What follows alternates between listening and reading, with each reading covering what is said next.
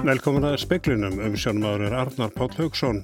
Skinnja má töluverða valdabaráttu í aðdraganda fundar á Norðurskauts ráðsins í hörp á fymtudag. Forsættis er á segja greinilegt að bæði rússar og bandarækja menn sé að marka sér stöðu fyrir fundin. Íþrótasamband Íslands krefst þess að Íþrótafórsin tegur þátt í alþjóðlegu verkefnum fyrir hönd Íslands að fái forgang í bólusetningum. Sótvartalækni segir ekki segt að breyðast við öllum áköllum án þess að reyðla öllu kerfinu. Bregðast þarf með markvísum hætti við fjölgun fólks með síkursíki 2 á Íslandi. Rannsókn hjartavendar sínir að tvöfalt fleiri voru með síkursíki 2 árið 2018 en 2005. Þólendur ofbeldis þurfa aukið tillit á vinnustöðu vegna MeToo. Þetta kemur fram í stuðningsyflýsingu BSRB. Staða Norðurskautsrásins er sterkari nú en fyrir tveimur árum fyrir tilstilli Íslendinga, segir Antóni Blinken, utaríkistur á þeirra bandaríkjana. Það stefnir í valdabaratu á fundi rásins í vikunni. Antoni Blinken er hér á landi í tilefni fundar Norðurskautsrásins sem hefst á fymtudag. Hann rætti við utaríkisáð þeirra, fósettisáð þeirra og fósetta Íslands í hörpu í dag og kynnti sér síðdeis, helliseðavirkjun og karpfix-teknina. Hann segir mikilvægt að tryggja velmegun og frið á norðurslóðum, sérstaklega nú þegar tekið sér á um yfiráðar. As Arctic allies, uh, both Iceland and the United States want to make sure that it remains uh, a region free of conflict and full of cooperation. Ísland lætur af formensku í norðurskautsráðinu á fundinum. Blinken rósaði fórustu hlutverki Íslands og saði ráðið stæði betur nú en fyrir tveimur árum. Rússar taka við formensku og Sergei Lavrov, utanrikiðsáð þeirra Rúslands, varði gær vestræn ríki við að gera kröfur til norður heimsköldsvæðisins. Öllum hefði verið það lengi ljóst að það tilheyrði Rúslandi. Katrín Jakobsdóttir, fósettisáð þeirra, segir greinilegt að Lavrov síðan leggja línuna fyrir fundin á 50 dag. Já, hann var greinilega að marka sér stöðu í aðdraðanda þessa fundar og við auðvitað Íslandingar sem erum hér eins og ég segi, til dæla lítil þjóði í þessu stóra samengi en með mikið vægur öll höfum alltaf lagt gríðarlega áherslu á það að norðurskautið eigi að vera lágspennusvæði og það sem gerist á norðurskautinu varði ekki bara okkur, heldur heiminn allan nægir þar að nefna loslasbreytingarna sem er að verða þar á tvöföldum hraða miðan við annar staðar. Þannig að við munum tala okkar öll í þessu en auðvitað sér maður það að þjóðir er að marka sér stöðu svona í aðranda þessa fundar. Þetta var Katrín Jakobsdóttir, Bjarni Betur Jónsson tók saman. Þórólu Gunnarsson að sótafalækni segir ekki hægt að breyðast við ákalli allra sem vilja færast framar í bólusetningu. Íslenski Eurovision hópurinn fekk undan þá til þess að fara í bólusetningu áður en haldi var til Hollands. Meðal þeirra sem hafa gaggrind það er afreiksvolk sem hefur ekki fengið forgangi í bólusetningu. Í tilkynningu frá ISI síti segir að Íþróttarhefinginni krefjist þess að Íþróttafólk sem tekur þátt í alþjóðlegum verkefni fyrir Íslands hönd njóti sömu þjónustu frá yfirvöldum og keppendur á öðrum vettvangi. Þórulu segir skilja óanæguna upp að vissu marki. Það eru bara mjög margi sem hafa komið fram með ákallum að fara framar í bólusetningu og sem við hefum ekki gett orðið við nefn að þá var reyðilega öllu kerfinu sko, þannig að við hefum ekki gett orðið við því. Ég held að þetta er nú líka lítið á það að hér er sko byrja mjög góð staða, við erum að nálgast mjög mikið sæðan þátt í bólusetningunum, við erum að ná að bólusetna mjög marga, þannig að ég skilða uh, svona upp að vissu marki en við erum bara að það góðum stað að ég held að menn þurfu bara aðeins að sína smá bylund eins og margir hafa þurft að gera og þurfu áfram að gera. Segir Þórólur Gunnarsson. Grípa þar til marsk vissari aðgera til að sporna við frekari fjölgun síkursjúkra á Íslandi fjöldi þeirra Íslandinga sem eru með síkursíki meirinn tvöfaldæðist á áranu 2005 til 2018. Árið 2005 voru ríflega 4.200 með síkursíki 2 hér á landi en 10.600 árið 2018. Fjölgunin nær til karla og kvenna á öllum aldri. Þetta kemur fram í niðurstöðum nýra rannsóknar hjartavendar í mæhefti læknablaðsins. Sikur síki eikur hættu á hjarta og æðasjúkdómum og ýmsum fylgjikvillum svo sem á sjón og nýrnaðstarfsemi. Hún eikur einni kostnað heilbriðistjerfisins. Haldi þróunin áfram með sama hætti megi búast við 24.000 sikursjúkum árið 2040 og því þurfa að grípa til markvisra aðgerða. Þar er helsueflandi helsugæsla nefnd til sögunar, kvartning til fólks í áhættu hópum að breyta lífsháttum sínum, merking matfæla, skattur á sæta drikki og fleira sem reynd hefur verið í bandaríkjónum. Tengsl aukinar ofittu og sikursíki er nefnt sem skýring en mataræði er sagt hafa batnað í aðalatriðum frá 2011. Aðflutningur fólks, þaðan sem sikursíki er algengar en hér, er talin geta aukið tíðnina. Rannsóknin byggist á fjölda ávísanna á sikursíkilif á tímabilinu sem geimdar eru í livjagagnagrunni landlæknisembættisins sem gefi markvisa hugmynd um stöðuna en komi ekki í stað betna mælinga. Áriðandi sé því að gera hóprannsókn þar sem kallaður verið til hópur fólks sem hefur verið skoðaður áður. Markus Þorálsson saði frám. ADHD samtöngin lýsi við þungum áhyggjum af skorta á geðlagna þjónustu fyrir fullorna með ADHD. Þeir tveiri geðlagna sem störfuðu hjá ADHD teimi landsbítalans er nú hættir og hafa snúið til annar að starfa hjá nýjum geðheilsu teimum eh, heilsugjæslunar. Viljámur Hjálmarsson er nýkjörinn formadur ADHD samtakana. Það er náttúrulega hefur lengi verið slæm en nú keirir við þörrbakk það er nánast ómögulegt að komast að hjá geðrækni. Það er lámarki 6-12 manna býð, líklega lengra og það er árið það slæmt hjá ADHD teimi LSH. Þetta er geðrækni sem það störfið. Þeir eru svona fattið til starfa í heilsugestinni, í geðteimum sem eiga að sína allt öðru hlutum og munu ekki hafa fjármakt til þess að sína ADHD-mál. Þannig að bygglisti eftir sko greiningu og einhvers konar meðferði gegn landsbyggjaland og þetta teimi. Hann er ekki þrjú ár, hann er óættilegur. Viljálmur segir þróun mála hafa stemt í þessa átt lengi. Aðgengi að sálfræðingum hafi einni mingað og kalla samtökin eftir að fá niðugreitt aðgengi að sálfræðingum. Því að uh, sumir þurfu ekki að sko á aðstóð kjærleikna halda og snembart yngripp því að fá niðugreita þjónustu sálfræðinga getur forðað því að fólk þurfi sko meiri stuðning setna og jafnvel að eitthvað annað komi ljósættan á að tíða á tíða. Þetta var Viljálfur Hjálmarsson, Valgjörður Árnadóttir, talaði við hann.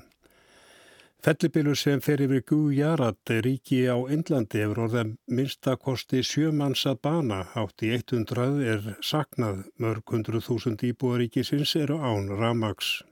Fellibilurinn nefnist Tokei. Frá því að hann náði landi í gerðkvöld að staðartíma hefur hann slitið raflínur, rifið upp tre og eðilagt vegi. Skip sem þjónustarf ólíuborpalla á Indlandshafi sökki í óveðrinu. Indverski sjóherinn náði að bjarga 177 sem voru um borð en 96 er saknað. Almannavarnir áallað á 17.000 hús hafi skemst í veðurhamnum. 40-50 farsímamöstur hafa fókið um koll og um það byrju 2400 þorp eru án rafmagns. Fellibilurinn veldur heilbriði starfsfólki á Indlandi erfileikum. COVID-19 faraldurinn hefur leikið indverja grátt síðustu vikur og síðastliðin sóla ring dróðan yfir 4300 til dauða, fleiri en nokkru sinni frá því að hann blósaði upp. Í Gujarat hafa allir COVID-19 sjúklingar verið fluttir frá sjúkrahúsum sem eru innan við 5 km frá strand ríkisins. Allt kapp er lagt á að halda verksmiðjum gangandi sem framleiða súrefni fyrir sjúkrahúsin. Aðsögn sérfræðinga hefur fellibiljum sem myndast á Arabíu hafi fjölgað umtalsvert að undanförnu. Ástandið er rækið til hlínunar sjávar. Áhrifana gætir viða, jáfnvel í Nepal um 2000 km frá Gujarat, þar sem fjallgöngumannum er ráðlagt að hafa varan á sér. Áskýr Tómasson saði frá. Atvinnureikundur verða að gefa þólendum ábyrðis svigrum til þess að vinna úr tilfinningu sínum. Þetta segir Sonja Ír Þorbergstóttir, formaður BSRB. BSRB sendi í dag frá sér stuðningsyfirlýsingu til hvenna sem greint hafa frá kinnferðisofbeldi eða áreitni í setni bylgu MeToo. Bandalagið segir yfirlýsinguna vera viðbröð við ákalli hvenna um að þeim sé trúað og að gerendur sæti ábyrð. Sonja Írþórbergsdóttir er formaður BSRB. Þegar svona umræða kemst í hámæli að þá er hún að ífa upp gömul sár hjá mjög mörgum sem á orði fyrir ofbeldi. Hún segir atvinnureikandur þurfa að taka tillit til áhrifa sem umræðan geti haft á starfsfólk. Til dæmis geti hún íft upp gömul sár þólenda ofbeldis. Fólk láti ekki endilega í ljós að umræðan leggist tungt á það og því verði að sína nærgetni í umræðu um MeToo á vinnustöðum. Þess vegna eru að hveti til þess að, að það sé svona lísniðir og það sé ekki mjög jákvæmt í það að fólk þurfa að leita sér aðstúðar segir Sonja Eir Þorbergsdóttir, Ólurún Erlendsdóttir tók saman. Slökkluðu höfuborgarsvæðisins var kallað út til að slökkva sínu sem loga á tveimustöðum millir Seljabrautar og Breitholtsbrautar í Reykjavík á fjóraðtímanum í dag. Um klukkan þrjú voru slökklusmenn eh, kallar að fjölbyrjishúsi í Bólstaðalhið í Reykjavík vegna elds. Það reyndist að var kviknað í feitipottu og var búið að koma um út á svali þegar slökkuliðu kom á staðin. Einn var fluttur á sjúgrás með brunasár og húsi var reykræst. Skema verður í gámum á planinu fyrir utan leifstöð á Keflavíku flugvellu og búast ná við byð eftir skemunni síðdeis þegar margar flugvélar lenda á svipuðum tíma. Tvöfald að þar fjölda starfsmanna við skemun að minnstakosti segi frangandastjóri hjúgrunar á heilsugjæslu höfuborgarsvæðisins. Vonast er til að slempi bólusetning geti hafist í næstu viku og að í lóki júni geti fólk panta sér tíma í bólusetningu og valið bóluefni. Búið er að bólusetja ríflega helming þjóðarinnar yfir 16 ára aldri, annað hvort til háls eða fulls. En það eru þó einhverjir sem að ekki letu bólusetja sig þegar þeim barst bóðun en vilja samt bólusetningu.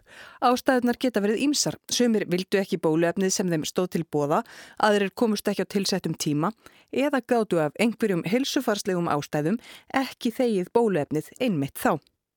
Speillin rendi við í gamla orkuhúsinu á Suðurlandsbröð í dag og hitti þar fyrir Ragnheði Ósk Erlendstóttur, framkvæmdastjóra hjúgrunar á heilsugjæslu höfuborgarsæðisins. Hún segir að endinni á heilsugjæslunni fjöldi fyrirspurna um allt sem við kemur bólusetningum. En hvað með þennan hóp sem að ekki fekk bólusetningu við bóðun en vill bólusetningu? Hvenar kemst hann að? Það eru nokkra línur í þessu. Þeir sem að hafa ákveðið að þykja ekki það bólefni sem þeim er bóðið og þeir sem gerist til dæmis eins og fólk sem er bóðið astra og vill ekki þykja það efni, þeir verða að býða og við erum með áallinir um það að það verður líklega setnipartin í júni sem við getum bóðið það upp á annað bólefni. En ef að fólk sem að kemst ekki í bólusetningu og er kannski bóðið, eh, hefur fengið bóðið um eh, Pfizer eða Moderna eða Astra eða hvað það er, að bara næst þegar við erum að vinna með það efni sem að fólk á bóði í og það gildir þá síðasta bóð sem það hefur fengið, að þá getur það komið til okkar og tjekka. Yfirlt erum við með auka skamta á hverjum degi sem við getum þá nota fyrir þessa hópa. Fólk á höfuborgarsvæðinu getur þá rent við í lögardalshöll með streikamerki úr síðustu bóðun og kannad hvort til er efni fyrir það. Sumir telja að þeir fái aftur bóðun ef þeir hafa mist af bólusetningunni. Það á bara við um þá sem að fengu samdægursbóðun þegar til hefur verið til aukaefni. Þeir sem fá bóðun með þryggjadaga fyrirvara en mæta ekki verða ekki bóðaðir sérstaklega á ný. Nú er komin góður gangur í bólusetningarnar og bóluefnasendingar Pfizer verða stærri. Í þessari viku eru Pfizer skamtarnir tæplega 13.000 samkvæmt afhendingar á allun en í fyrstu vikunni í júni verða þeir tæplega 20.000 og um meðjan júni fjölgar þeim í rúmlega 21.000. Fjöldi moderna skamta verður á svipuðuróli og nú er en áallanir AstraZeneca og Janssen ná ekki nema tvær vikur fram í tíman. Sem fyrr segir er miða við að eftir um einn og halvan mánuð geti fólk valið bóluefni. Það verður líklega ekki fyrir ný í undirlógi júni, hugsa ég. En, og þá verður við hugsalega með eitthvað kerfi sem að þá geti fólk hugsalega skráð sig. En þetta er svona, þetta er ekki, við erum ekki komið þángað en það þannig að... Fólk sem hefur ekki viljað AstraZeneca, það getur sem sagt á fengið annað bóluefni en þarf bara að býða. Já, akkurat. Þángað til að við eigum nóg bóluefni og þá, þá ætti að vera, myndum við setja upp þannig sístem að fólk geti valið. Og nú steytist óðum í slempi bólusetningar yngri hópa sem ákveði hefur verið að ráðast í, fremur en að fara áfram eftir aldursröð. E, það er allavega búið ákveð að fara í þannig slempi bólusetningar, væntalega bara jáfnvel í, í næstu viku, en það er svona, fer svolítið eftir í hvernig gengur með e, tölvukerfið að, að forrita það e, og svona það prógram sem við ætlum að hafa til að stýra því. Þannig að það er svona aðeins óljóst hvort að það náist en annars ætti það að vera geta, getur við byrjað á því í næstu viku. Það er í mörg hornað líta hjá Ragnheiði, skömmu eftir viðtalið þurft hún að fara upp á Keflavíkurflugvöld þar sem þarf að taka til hendinni. Og núna er ferðamæðurinn, þeim er að fjölga verulega núna og næstu dagana að, og næstu vikur. Þannig að við erum að gefa verulega í þar og fjölga þar fólki að taka öflugri sínatöku. Skipulagi sínatökunar verður breytt, starfsfólk á vegum heilsugjæslunar ætlar að koma sér fyrir í gámum úti á plani fyrir utan lifstöð. Í komisalunum þá verða sett upp svona borð þar sem er farið yfir öll vottorð hjá fólki og síðan er það vísað út í, í gáma þar sem er sínataka. það verður vantarlega einhver byð í öllu þessu ferðlega, er það ekki?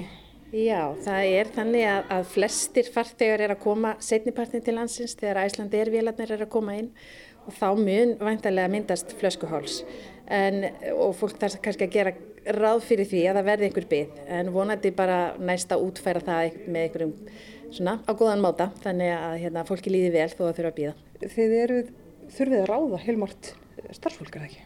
Jú, við erum verulega að fjölga núna í starfsfólki sem að uh, sem að eh, aðstóðar okkur við allar þessar sínatökur af því að við erum yfirlt með alla hjúknarfræðinga núna fasta í bólusetningum þannig að hérna, þetta er svona pínu flókið en, en vonandi tekst þetta allt saman.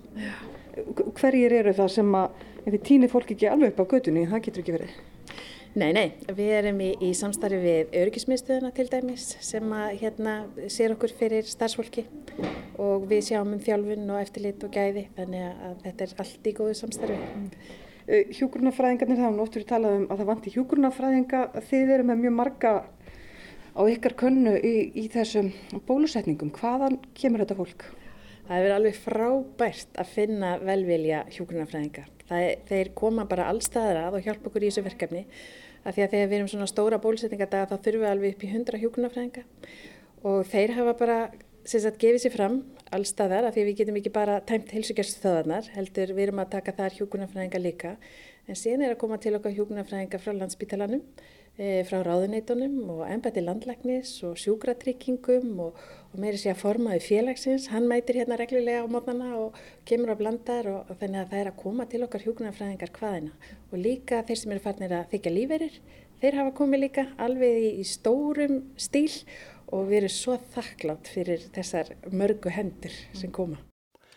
Þetta var eh, Ragnhildur Ósk Erlinsdóttir og það var Ragnhildur Tólarsíðu sem talaði við hana.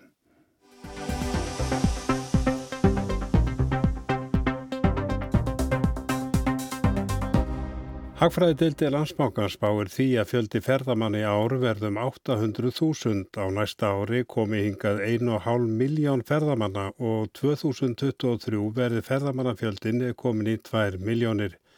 Þá er því spáð að verðbólgan á þessu ári verði 4% en fari niður í 2,5% á næsta ári. Þá eru horfur á að atunleysi verði tæplega 9% á þessu ári. Atunleysið mældist 10,4% í síðasta mánuði. Landsbankin spáir því að það muni smám saman dragur því og á þessu ári verði það meðaltali 8,8%.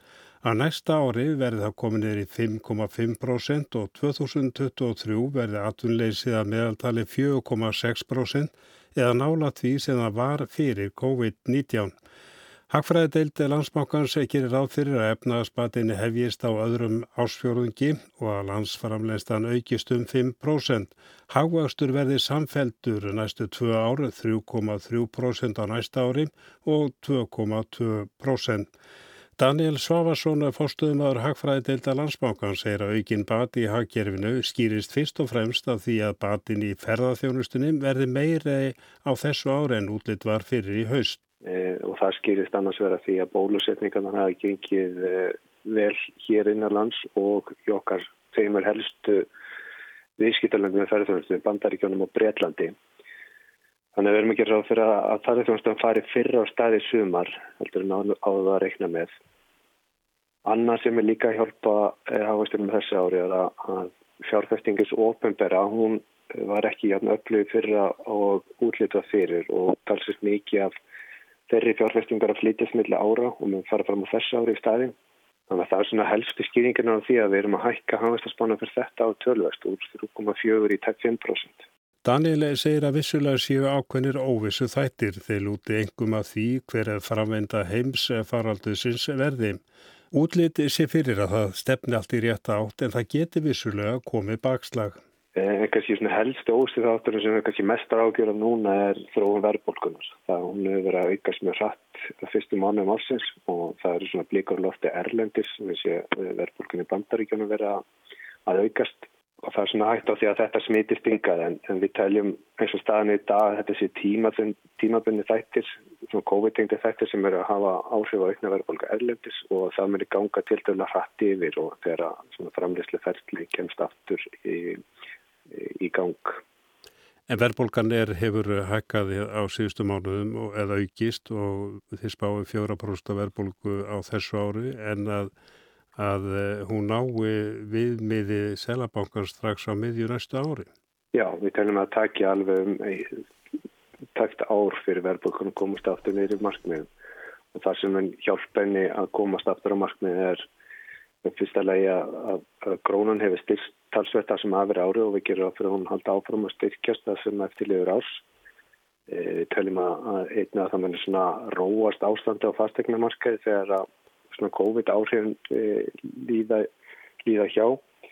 Við séum að mesta spennan á fastegnamarkaðinu hefur verið eftir stærri eignum, sérbíli og, og stórum íbúðum. E, og það var líklega stóru hlut að tengja það þróun við, við svona COVID áhrifin og, og, og það að fólk sé að vinna mikið heima fyrir. Landsbókin gerir ráð fyrir að húsnæðisverð hækju með 10,5% á þessu ári en það hægi verulega á að hækkunar taktinum næstu ár. En er þetta mikil hækkun? Daniel bendir á að frá aldamótum hafi húsnæðisverð að hækkað um 9% af meðaltala á árim. Hann segir að hækkanir er nú skýrist af stórun hluta af hækkun í sérbíli en líka í fjölbíli. Eh, telum líka að Sælabankin geti slegið svolítið á þessa þenslu sérstaklega eftir, eftir þessum dýra regnum með því að beita öðrum tækjum heldur en beinum vaksta hækkurum til dæmis með því að setja hamlur á hámarslán eða, aukna kröfur um, um hérna, veðslutvöld og þess aftar. Þannig að það, við teljum að það muni duga til þess að kæla fastegni markans strax á næsta ára og við munum sjá mun hóflegri hækkanir næstu tvö ári. En það er vaksta ákvörðun á morgun og vantala margir sem býða hernar eh, með einhverjum spenningi. Já, þið telja að banki mun ekki ráðast í það að hækka stýri vexti að minnst ekki strax. Undir eðlega kringastafum að þá væri eh, peningastafnum að myndi nögláslega að fara að hækka vexti á morgun en aðtunleysi er ennþá mjög hátt og óvissan er talsverð ennþá hvort að framvendan í vanandi COVID verður eins og, og útlítið fyrir.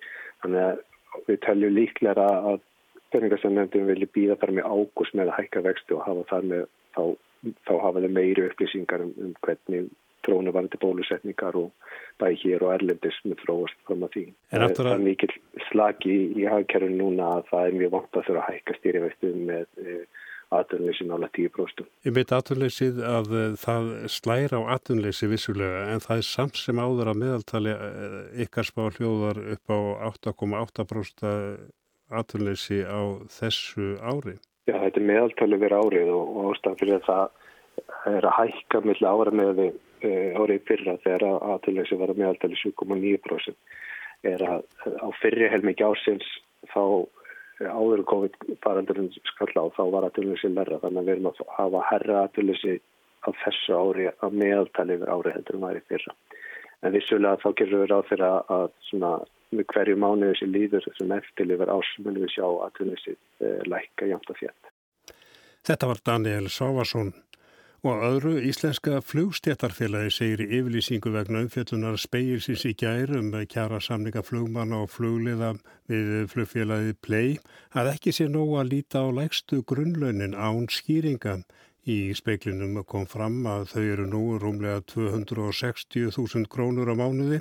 Félagi segir að första mánuðalögn nýra flugliða séu tæplega 352.000 krónur á mánuði óháð vinnuframlægi. Við þá uppæð bætist flugstundar, greislur, sölurinn og dagpenningar.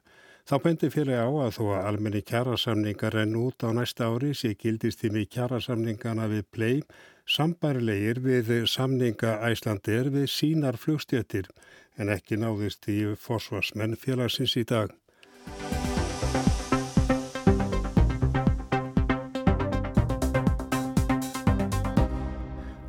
Þá til Breitlands, það er margt að breytast í Breitlandi í kjölfar Brexit, úrgöngu breyt og Európa-sambandunum síðustu áramót. Þá einni reglur um búsetu varða bæði fólk frá ESB og ES-löndunum því einni Íslendinga. Breytingarnar varða bæði fólk sem þegar býr í Breitlandi og fólk sem hegst flytja þángað. Sigrun Davíðsdóttir rætti við Sturlu Sigur Jónsson, sendera Íslands í Breitlandi um þessar breytingar. Eftir að breytar gengur úr Evrópusambandinum áramótin hafa brexit breytingar verða gerast hægt og bítandi. Það verða meðal annars viðtakar breytingar á möguleikum EES-borgara, þá einnig Íslandinga, á að flytja til Bretlands eftir vinnu. Fyrir ferðamenn er allt sem fyrr hægt að vera hérna í alltaf sex mánuði. Fyrir alla aðra gilda nú nýjar og strángari reglur eins og tíðindamaður speilsins heyrði þegar hann rætti við Sturlu Sigur Jónsson sendiherra Íslands í Bretlandi. Um áramótið þá tóku gildi nýlög og reglur um, um búsetu í Bretlandi fyrir útlendinga og uh, þá uh, var sett á uh, það sem almennt er kallað svo nefnt punktakerfi. Þannig að eftir áramót þeir sem ætla að koma til Breitlands þeir þurfa þá að sækjum áritun. Þær eru að ímsu tægi algengastar verða eflaust annars vegar áritanir vegna starfa í Breitlandi og hins vegar vegna náms ferðamenn geta náttúrulega komið hingað á óbreyttu fórsendum Breytingarnar varða einnig EES-borgara sem þegar búa í Breitlandi. Þeir sem að voru búsettir í Breitlandi fyrir áramótin, þeir geta sótt um búsettur í ett. En sáfrestur er að renna út núna, rennur út í lokjúni og uh, sendir að það sjálfsögðu hvetur alla Íslandingar sem eru búsettir í Breitland og vilja uh, viðhalda slíkum rétti að uh, ganga frá umsókn og fá staðfestingu á, á, á, á því að, að slíkur uh, áframhaldandi réttur hafi verið veittur. Þannig að skilabóð okkar eru fyrir þá sem er í Breitlandi tryggir réttin og fyrir þá sem vilja koma til Breitlands uh, til lengri dvalar, til starfseðanáms, kynnið ykkur reglunar og vefsaði breskra stjórnmálda. Þeir sem búa hér þurfa að sækja um það sem kallast settled status eða staðfest búsetta Til eiga rétt að þessu þarf fólk að hafa búið samflitt í Breitlandi undan farin fimm ár. Þeir sem hafa búið hér skemur en fimm ár eða búið með hljöfum geta sótt um það sem kallast pre-settled status sem gefur síðan tækifæri til að fá viðurkenda fasta búsettu. Þessi mismunandi staða snýst mikið um aðgengi að félagsleiri þjónustu hér og síðarnenda staðan, pre-settled status, veitir til dæmis ekki aðgengi að félagsbótum eins og atunleysisbótum og eins og áður sagði, umsóknar fresturinn rennur út í lok júni. Eins og Sturla nefndi þá er punktakerfi gildi nokkuð flókið og gildir um ólík störf en það eru líka nokkrar algildar reglur. Það eru þrjú ófrávíkjanlega skilir sem að e, felast í þessu nýja kerfi fyrir þá sem að vilja koma að hinga til starfa. Það er þetta starfstilbóð sem ég nefndi áður það er uh, uh, það starfið sé að tilskildu hæfnistíi sem er tilgrengt á aftur í reglunum og svo ennsku kunnóta ef ég uh, mann rétt á eru lámarslaun sem miðar við rúmlega 20.000 pund á ári. Brettar hafa í huga að laða að ákveðna hópa. Mikið af starfsfólki í heilbreyðskerfinu hefur komið frá EES löndum Það eru því sérstakar reglur um heilbriði starfsfólk sem vil flytja hinga. Er umsóknir á að afgreða með hraði og það eiga að vera ódýrari. Brettar eru líka áfram um að laða hingað aðburðafólk, sérstök skrifstofa innan fórsætsraðnættisins á að sinna því. Einning talað um frumkvöla og vísindamenn að þessir hópar geti flutt til Bretlands án atvinnutilbóðs en ennþá óklárt hverjar reglurnar verða. Um námsmenn gilda líka ákveðna reglur. Aftur þar þarf að e, sína fram á staðfyrstingu á námsvist að, að, að viðkomandi námsmaður hafi fengið samþýtta námstöl í viðkomandi skóla og geta sínt fram á framfæslu meðan á námistendur. Námsmenn geta svo dvalið áfram í tvö ár eftir að námi líkur þá leita sér að fastri vinnu sem síðan gefur þá möguleika á fastri búsettu. Það hefur verið vinsalt hjá ungu fólki að flytja til Bretlands og vinna í einhver tíma, til dæmis í búðum eða veitingahúsum. Getur ungt fólk komið hingað og leita sér að vinnu eftir að það kemur hingað? Nei, það getur ekki komið hingað á fórsendum eh, ferðamanna uh, í adrunleit. Uh, það verður áðurnaðarlegur á stað frá Íslandi að vera með samþygt adrunutilbóð í höndunum og sækjum áritun á, á, á þeirri fórsendu það gild alltaf reglur um, um, um ferðamenn. Það hafi verið frettir í breskum fjölmjölum um ESB-borgara sem hafa komið hér í mjög mennlausum tilgangi en verið sendir heim vegna grunns um að þeir var að koma inn í landið á fölskum forsendum. Jafnvel verið vistaðir í lokuðum búðum fyrir ólöglega innflytjendur áður en þeir voru sendur úr landi, allt heldur daburleg reynsla. Því eins gott að átta sig á breyttum brexit tímum hér í Breitlandi. Saði Sigrun Davíðsdóttir. Það er ekki fleira í speilinu kvöld, verðið sæl.